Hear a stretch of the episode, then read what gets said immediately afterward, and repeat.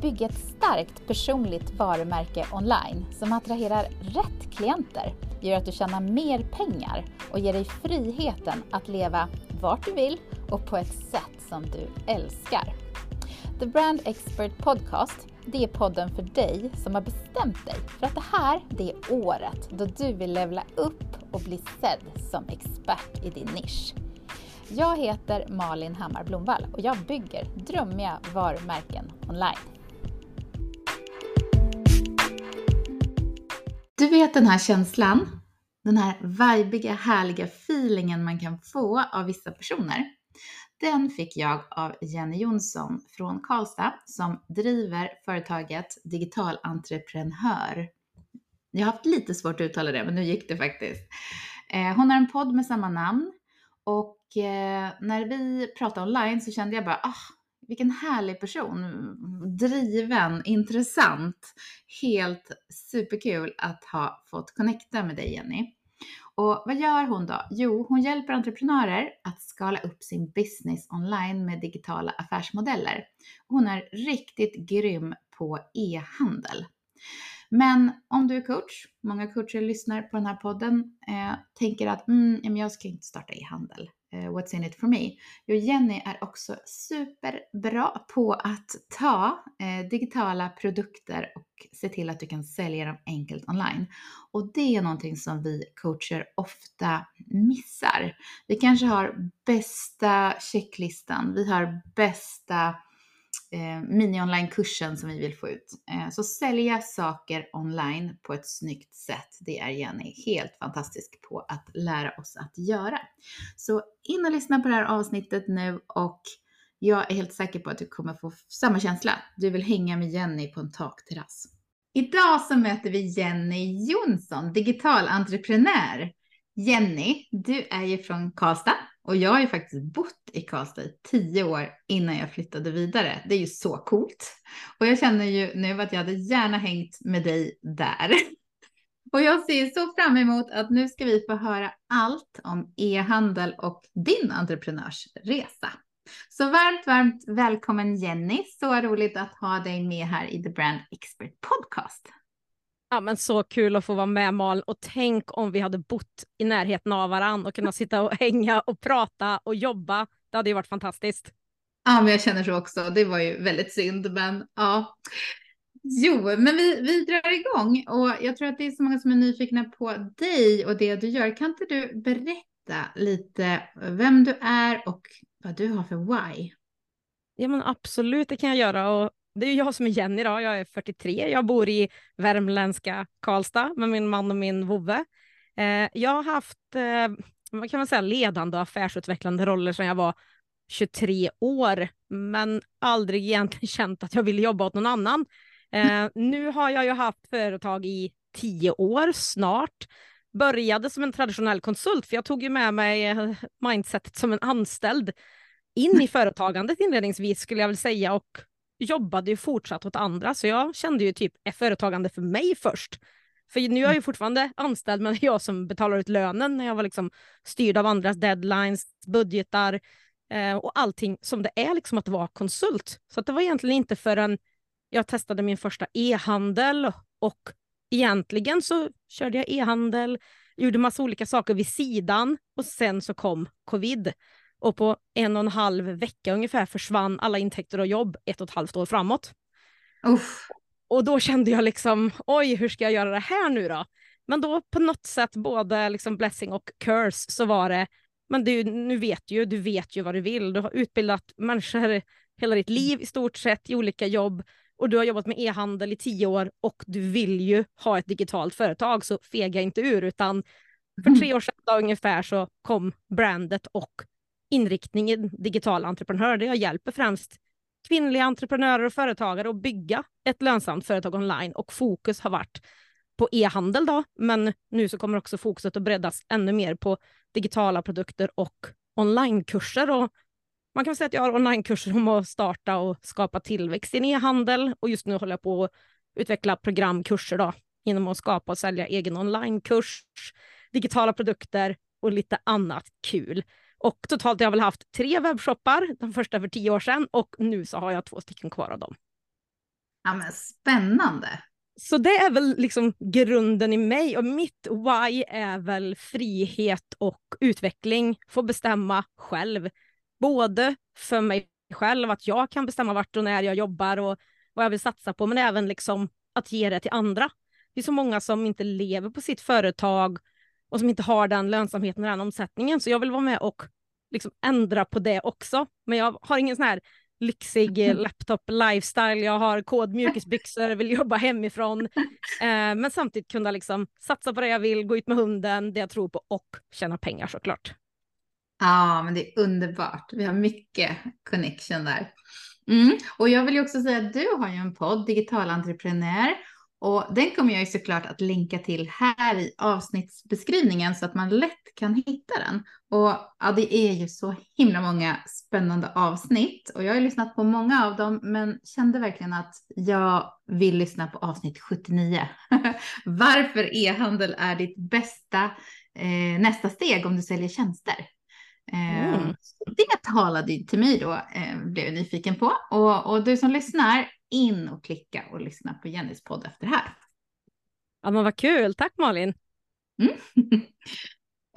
eh, och det tar oss ändå kvar. Vi håller oss kvar i Karlstad. För när jag bodde i Karlstad, som jag vet inte om du vet som lyssnar, eh, så var jag center manager på Mitt i City-gallerian. Det är en shoppinggalleria mitt i, i city. Och då minglar jag på mycket events och vi vann priser och det ena efter andra. Men jag råkar ju veta Jenny att du har ju blivit utsedd till årets kvinna inom näringslivet och det är ju så här grym prestation tycker jag. Eh, och, och, när var detta? Och kan du dela med dig lite, vad betyder det för dig och har det påverkat din karriär inom e-handel? Ja men vad kul, ja det var ju roligt att du hade koll på det och snopat upp det då. Eh, för det där är faktiskt tio år sedan och man kan väl säga att det kom väl främst efter jag hade jobbat med företagande och entreprenörskap för ungdomar och skolor i ja, nästan tio år egentligen. Och det började ju med mig själv som anställd och sen slutade med att vi var åtta anställda, vi hade bäst resultat i Sverige och så där. Så att jag tror att det var, eller det var väldigt mycket kopplat också till resultaten i det och drivkraften och så där. Och samma år så var jag också med på en lista som vår största medie medietidning här hade över kvinnliga förebilder och chefer i Värmland med störst påverkansmöjlighet. Så jag fick väl plats 9 av 15 där Margot Wallström då toppar den här listan. eh, så att, eh, men såklart, det är ju ett bevis på att man kan vara med och skapa resultat och att det är kul att lyftas för det man har gjort. Och, ja, men det blir ju också en liten confidence boost som man kan ha med sig i sitt företagande framåt, så är det ju. Ja, verkligen superkul. Ja, men jag är, jag är stolt över dig. Ja, men tack, vad snällt. Ja, jag tänker att vi glider in lite sakta på varumärke för att The Brand Expert Podcast handlar ju såklart om varumärke. Eh, och jag är ju nyfiken på hur landade du i ditt, till exempel när det gäller färger, typsnitt, bilder? Mm. Ja, men eh, det här var ju tre år sedan eh, och det känns ju som att, för det här gjorde jag ju för digital entreprenör då senast och det känns som jag skulle behöva göra om det nu igen. Det är väl sånt man vill uppdatera och så där. Men vi gjorde eh, ett grundjobb med ledord som skulle liksom hålla ihop allting. Och, ja, men det var modernt, professionellt, personligt och att då alltså, vilja vända oss till den kanske mer moderna kvinnan, attrahera henne med de färgvalen, typsnitten som var och som jag tyckte om också. Eh, sen skulle profilen vara så medvetet Instagramvänlig, ge ett fräscht intryck. När vi pratade om bildspråk så pratade vi om kanske ja, men en känsla av professionalism, att det har en mer lifestyle-känsla som också attraherade den målgruppen. Eh, att man kan arbeta därifrån som man trivs bäst, vare sig det skulle vara hemmakontoret, liksom sommarstugan eller ett café. Så.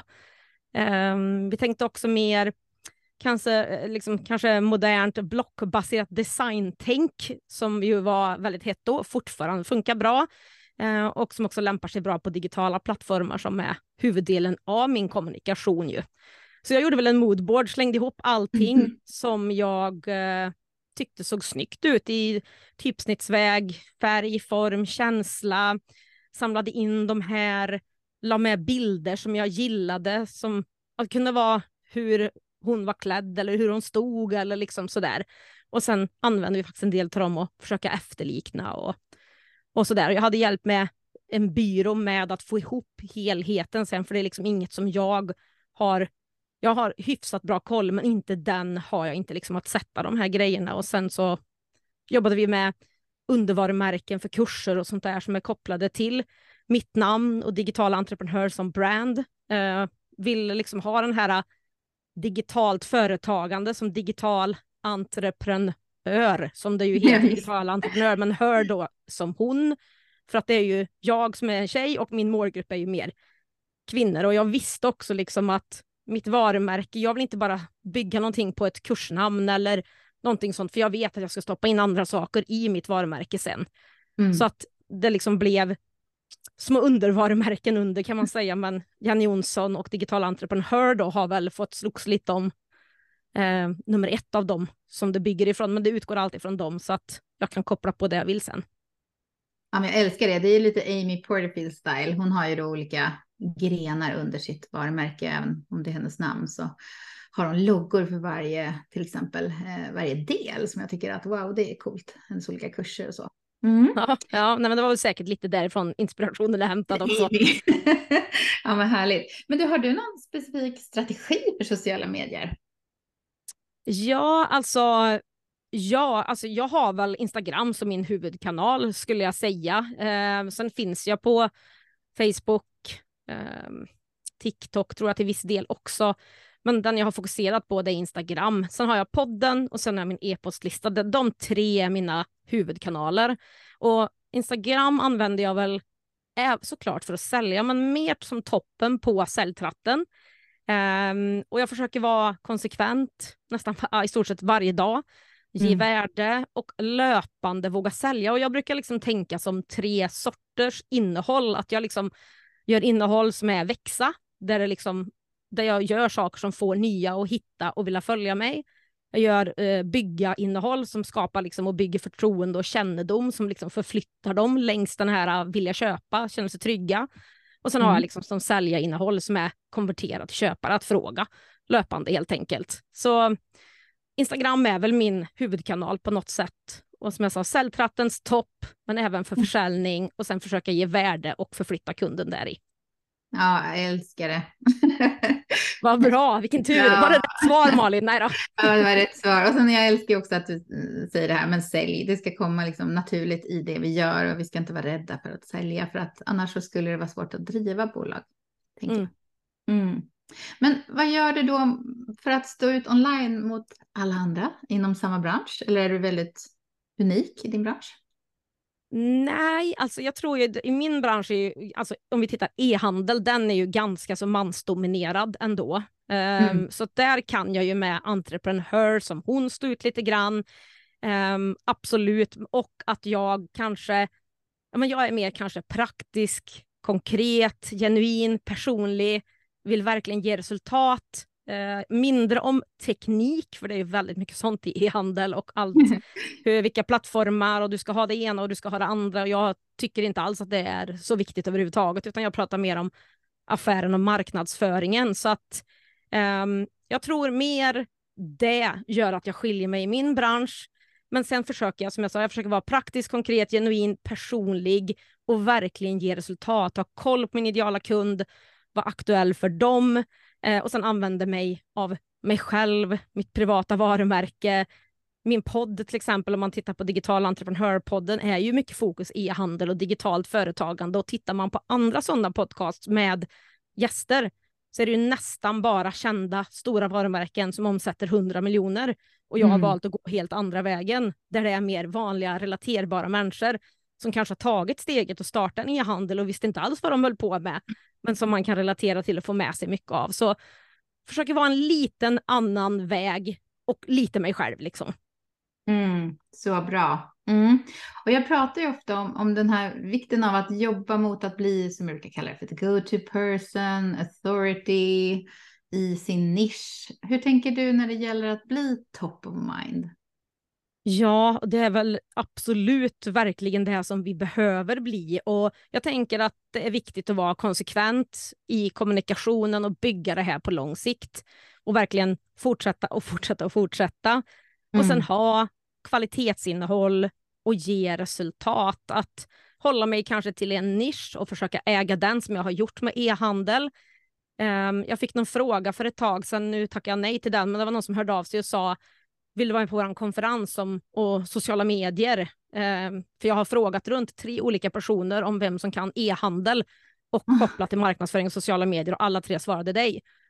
Mm. Ja, då har det liksom varit någonting ändå där man har blivit placerad. Så jag tror bara så här att nöta, för att säga rent sådär. Ja. Alltså, synas löpande på olika ställen i mina egna kanaler, men även i samarbeten med andra. Det kan vara så att jag får vara med i, i poddar som den här och ibland så blir jag presenterad som e-handelsexpert och det är inte bara jag som säger det då, utan då är det någon annan som presenterar mig så. Eh, och att jag har lite större samarbetspartners. Jag jobbar ju med en av Sveriges största e-handelsplattformar, en bank till exempel och så där. Så då kan de också vara med och lyfta fram på olika sätt så att inte det är bara jag som säger att jag är auktoriteten i min nisch på något mm. sätt. Mm. Och sen så tänker jag, ge värde till kunden, ge resultat, gör det konsekvent om och om igen. Det är typ så jag jobbar.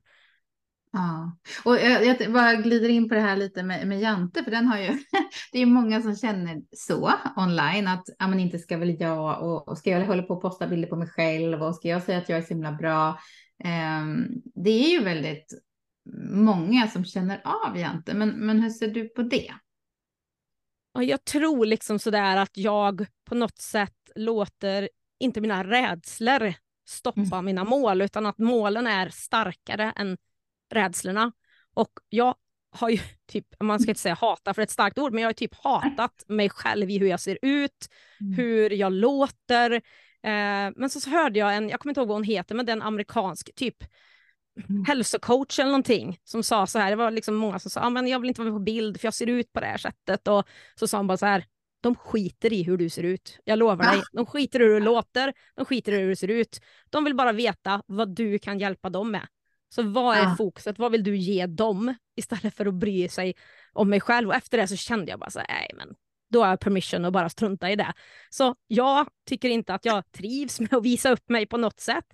Och jag bara tränar och gör det konsekvent och om och om igen, för jag vet att det är det som ger mig resultat. Så lär, det, lär man sig av det. Men jag, liksom, jag var så blyg fram till första året på gymnasiet så jag inte ens vågade räcka upp min hand liksom, när det var upprop upp, i skolan att jag var på plats. Liksom.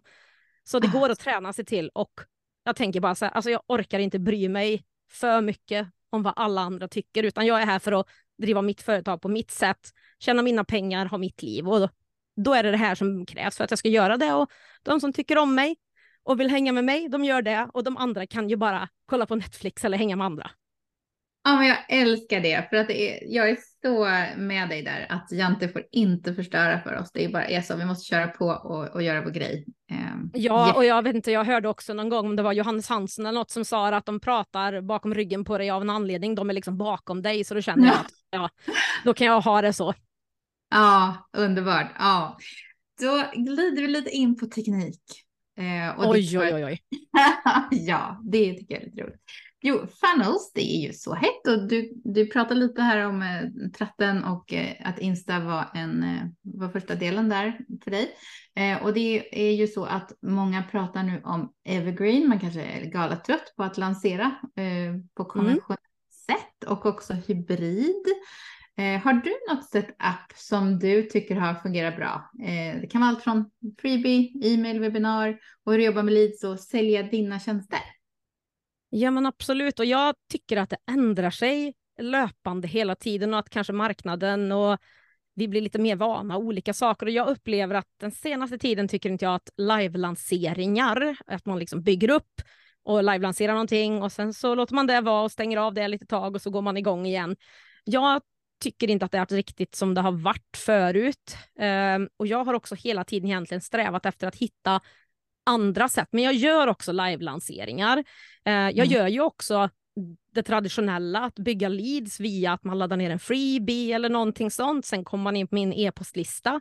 Sen gör jag kanske en live-lansering om man hänger med där eller att jag gör ett erbjudande direkt. Eh, men jag har också en evergreen-slinga eh, där jag har ett förinspelat webbinar som jag mest då kör på kall trafik. Där man kommer in, tittar på min eh, masterclass och vill man gå med i slutet på en av mina kurser så kan man göra det. annars så är det ett väldigt bra sätt, precis som live-lanseringar, att bygga mejllistan på. För de här är ju ändå lite mer uppvärmda när det sen kanske kommer en större lansering eller en fråga eller att jag blir mer top of mind sådär. Eh, så att jag tycker ju att just den här eh, jag har länge haft liksom svårt med att ha bara live-lanseringar för man missar halva mm. publiken typ som vill ta beslut direkt som en själv. Jag orkar inte vänta utan då går jag till någon annan. Mm. Så um, jag skulle säga att jag tycker båda fungerar bra, uh, men jag kommer att fokusera ännu mer på att ha saker som går att köpa hela tiden, att jobba mer med contentet och att det ska finnas, att det ska bli mer tydlig väg in per produkt, ha en tunnel som är rätt för målgrupp, program och sådär. Men jag tycker generellt också att webbinarier fungerar bra för konverteringen och säljet eh, fortfarande. Så den, den kommer jag nog hålla kvar i ett tag till i alla fall. Mm. Ja, men jag tror också att det är, det är många där ute och många kör webbinar, många kör utmaningar och så. Vi måste spice it up lite med att variera mm. oss och så. Så att jag, jag håller med dig totalt. Men eh, när det kommer till program, eh, har du något program du rekommenderar, någon strategi där? Ja, det är väl, alltså jag tycker man testar lite olika hela tiden, ja. men eh, alltså är det lanseringar, är det webbinar, är det mail, är det evergreen, är det något speciellt du tänker på? Mm. Eh, jag tänker dels på vad du använder på, eh, om du kör en eh, allt i ett-plattform för hemsida, eh, dina kurser, eller kör du olika varianter? Ja, nej men jag har ju en kursplattform som heter Kajabi i, i dagsläget som är ganska många som har för mm. onlinekurser. Och där finns det mejl och det finns hemsidor och det finns lite olika saker. Eh, men sen har jag ett annat mejlprogram som heter ConvertKit som då skulle vara lite bättre än det som är i Kajabi.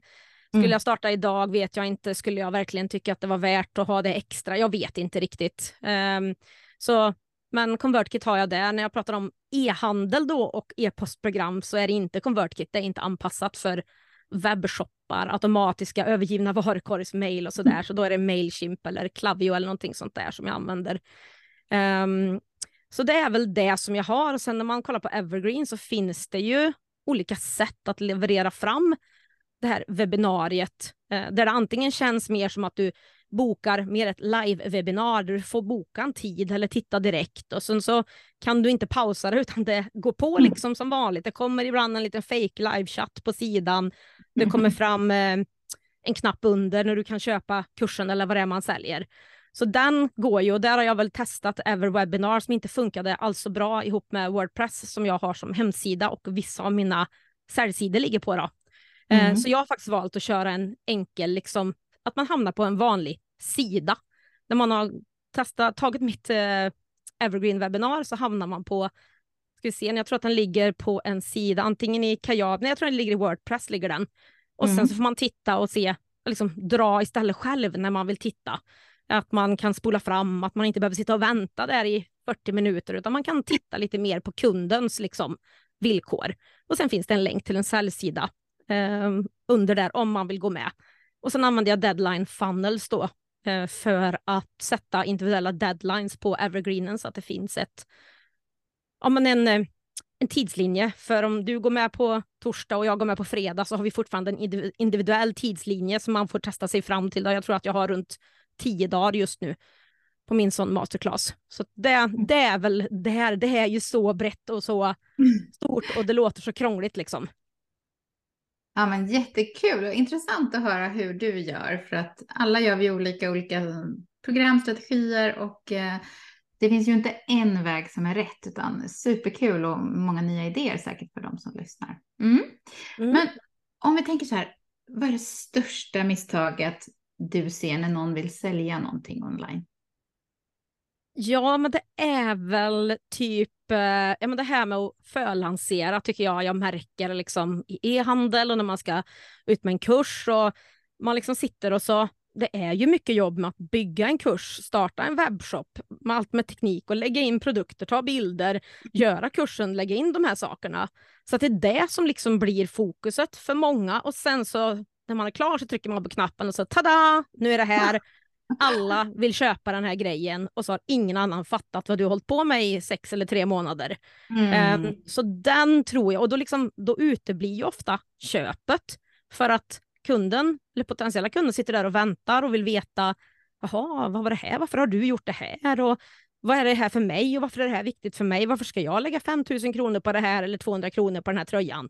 Så att man behöver liksom förlansera under tiden man levererar, alltså man sitter och gör kursen eller gör webbshoppen.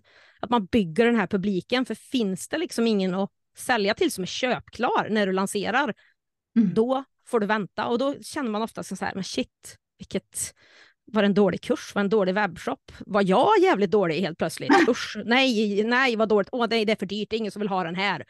Och sen så börjar man liksom att dra kanske fel ände, kanske jättebra, men problemet är att om du inte har funnits på nätet förut och du inte har lagt till dig på Google, finns det ju inte ens på Google från början. Så att mm. eh, det tycker jag. Och sen, eh, jag tror så här, våga sälja också.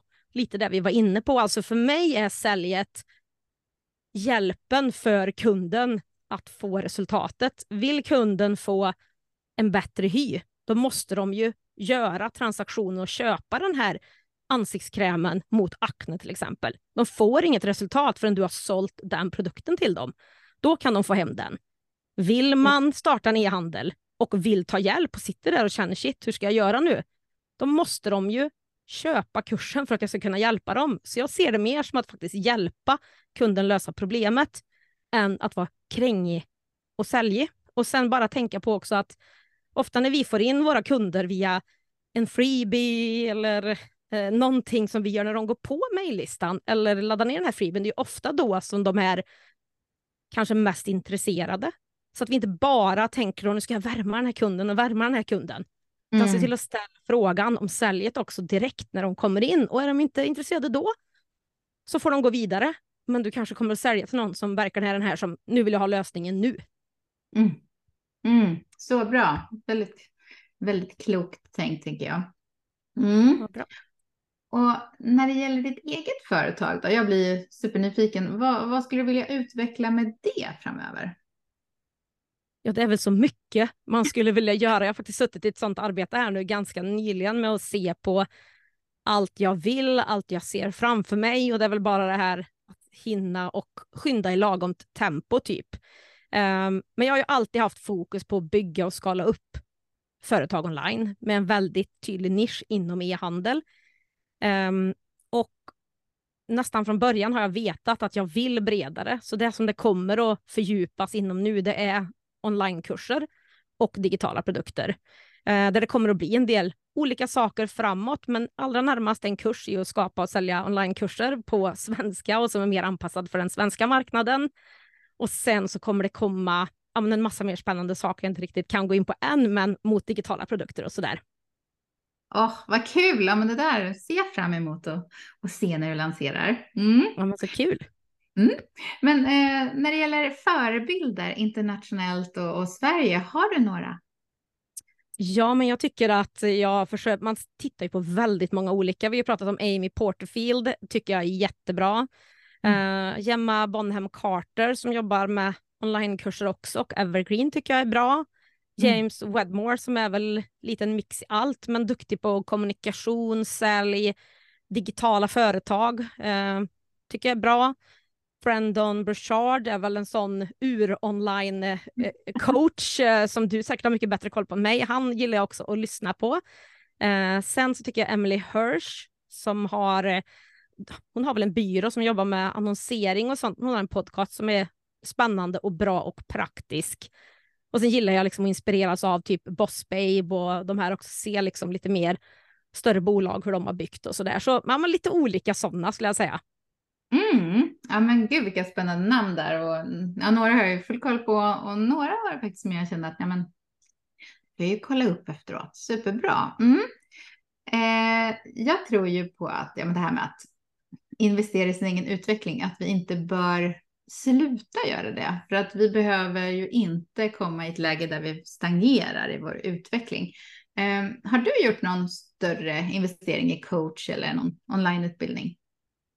Ja, alltså jag har gjort det sedan starten egentligen och jag vet inte om det är egentligen bara de sista åren är det ju flera hundratusen mm. i olika utbildningar, medlemskap eh, och den biten för att det gäller ju att samla på sig det bästa av allt så att jag kan ge det bästa till mina kunder och att jag blir så komplett som möjligt och har en så bra förståelse för att kunna skapa mig en bra bild av vad tror jag på själv, hur tänker jag, um, bli guidad i hur jag bygger min business och sådär. Så absolut, det, uh, det gör jag typ inte varje månad, men nästan skulle jag säga någonting nytt sådär. Kanske lite mindre då, men ändå absolut, ja. Uh, jag håller med dig, det går inte att sluta med det, det tror jag verkligen inte. Och det blir väldigt ensamt också att försöka ta alla beslut själv.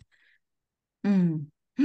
Ja, men jag tror också att det är, det är så viktigt för vår utveckling och, och någonting också man ser ju mer, ju längre man driver företaget, att man lättare tycker jag eh, bestämmer sig för att ja, men jag behöver det här. Det här behöver jag för att hjälpa mina kunder vidare. Jag behöver vidareutbilda mig inom ja, någonting som man känner att men det, här, det här behöver jag fylla på med eller det behövs ny modern kunskap inom någonting. För det är det, ja. det är ju så att även om man har gått en marknadsutbildning eller så för väldigt länge sedan. Så det händer saker och det går så fort nu. Ja, men det gör ju det. Och sen så tror jag man är lite försiktig så här i början också, för man, man vill ju hålla i pengarna. Jag tror inte att man alltid kan se när man sitter där i början och ska investera i någonting att om jag lägger in 10 000 eller 20 000 eller 30 000 eller 5 000 eller 2 000 i det här så kommer mm. det ge mig 100 000 i slutändan eller kommer spara mig tre år eller det kommer ge mig mm. det här fast tracket till success på något sätt. Alltså att man, jag tror inte man ser, inte vågar inte riktigt tro på det, men har man bara gått över den gränsen och börjat göra det här en gång, då inser man ju att det här är typ ett måste. Och ja. sen så slutar man inte, upplever jag i alla fall. Nej, det gör man inte. Det blir cravings. ja, det gör det. Ja, eh, jag tänker att det vore kul att höra om du har tre tips, takeaways när det gäller att skapa och sälja digitala produkter eh, och onlinekurser. Ja, men absolut. Jag tänker väl det viktigaste, största, första är väl att det löser ett problem för kunden. Att man inte bara tänker jag tycker att det här är kul eller det här borde man ju sakna. Jag hör ofta så här, oh, jag kom på en så bra idé Jenny, alla vill ha den här. Mm, det är spännande. Jag älskar ju ambitiösa personer som tror på sig själva. Men det är inte vi som ska ha den, det är ju liksom kunden. Och det allra enklaste att sälja någonting, det är att lösa ett problem som någon verkligen vill ha löst så mycket så att de betalar för att det är en must have, inte nice to have. Det tror jag är liksom det viktiga och det spelar ingen roll om det är en liten e-bok. Det ska fortfarande passa din ideala kund, lösa problem för dem. Desto större problem du löser, desto mer kan du ta betalt. Så mm. att det är verkligen, lös ett problem, fyll ett behov. Liksom. Det tycker jag väl, det är klyschigt, men det behöver finnas med där verkligen. Och vilket resultat ger du kunden när den har köpt den här kursen, gått den här saken, köpt den här e-boken eller vad det är. Eh, så det är väl en av dem och sen så hör jag ju ganska ofta så här, ja men allt finns redan, jag, måste, jag är inte expert, jag har ingen stor utbildning, jag har inget diplom. Och grejen är så här att nej, det behöver du inte ha heller, utan du behöver vara lite, lite bättre än de som du lär. För de ska ju inte lära sig på din expertnivå. De ska ju lära sig, om jag skulle börja rabbla allt som jag vet om att starta och utveckla en e-handel till någon som knappt vet vad de ska sälja.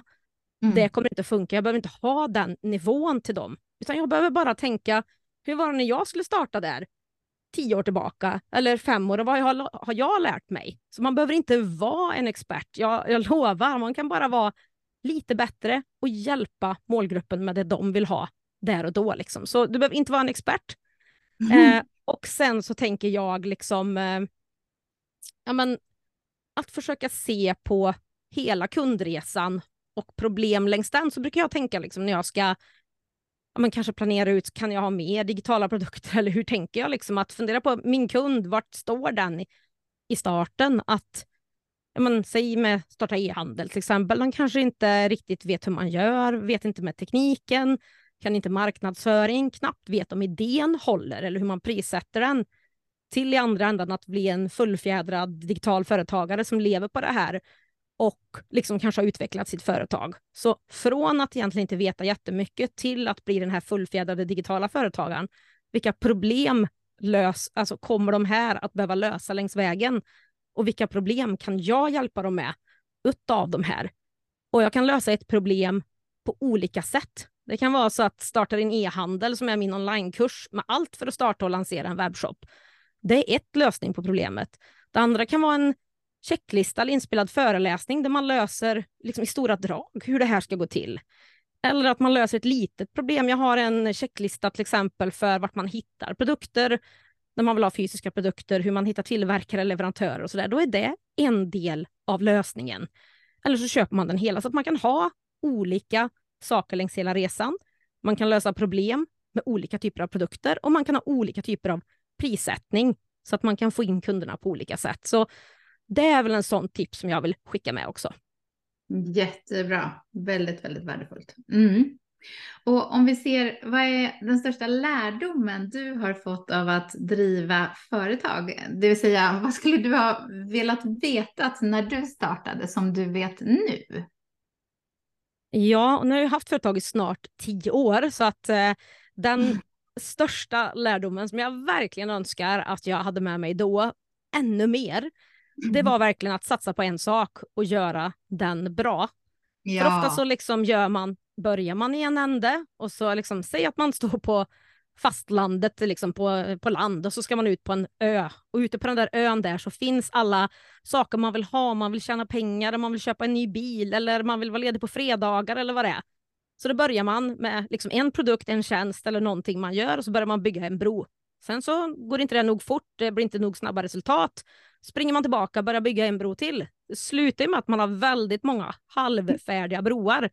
Vilket gör att man kommer ju aldrig riktigt fram till det här bra resultatet som jag tycker att man får när man håller i, gör någonting längre, bygger det på ett bra sätt.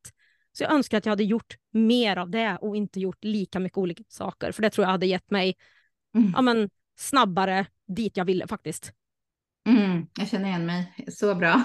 det, tror jag många som lyssnar också känner igen sig i att det är någonting vi hade velat veta då faktiskt. mm, ja, jag hade velat gjort det och att någon hade slagit in det i huvudet på mig hade varit bra också.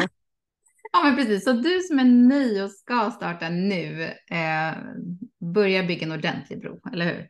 Ja, och man kan ju bygga de andra också, men om man tar dem i steg för steg för steg, för annars hinner man ju aldrig riktigt bygga någon av dem nog bra. Och det är då man känner, men gud, det funkar ju inte. Jag har lanserat en gång en kurs, jag sålde bara det här. Okej, men om du lanserar mer och mer och mer, då mer människor kommer få, få reda på det. Då kommer du kunna göra större lanseringar, sälja mer med den kursen. Men om du sen då, nej, men det var bara fem som köpte och så börjar du på nästa, ja, men då blir det jobbigt också att jobba så och du får inte ut där du, där du liksom kan ur den. Mm. Absolut. Mm. Men avslutningsvis, det är så galet kul att prata med dig. Så det skulle vi kunna göra länge. Men eh, var kan vi hitta dig online? Ja, nej men jag tror det här äh, svåruttalade digital entreprenör, det är liksom stället att hänga. Uh, för även om det är svårt att uttala så är det är där jag finns. Digitalentreprenör.se. Det är ju ett bra ställe. Uh, där finns ju podden, Digital entreprenörpodden med ungefär nu över 85 avsnitt eller vad det är som man kan kika på och lyssna på. Eh, sen finns det gratis guider och sånt om man skulle vilja ha det. Men annars så tänker jag att det är eh, digital entreprenör, mitt Instagramkonto där jag gärna connectar med dig som lyssnar. Eh, och sen så tänker jag om det är så att man, du som lyssnar funderar på om du vill starta och lansera en egen e-handel och en webbshop så har jag en gratis masterclass på det här ämnet eh, som man kan kika på. Så jag tänker att eh, om du kan länka till den Malin här under så slipper jag rabbla upp någon lång adress där. Absolut. Åh, helt perfekt. Så det tror jag att många som lyssnar vill klicka ner. Så att det är superbra. Men stort tack Jenny. Än en gång otroligt kul att liksom gå all in och prata om det här med digitala produkter och e-handel och så. Eh, tack för att du var med. Ja, men stort tack för att jag fick vara med Malin, vad kul.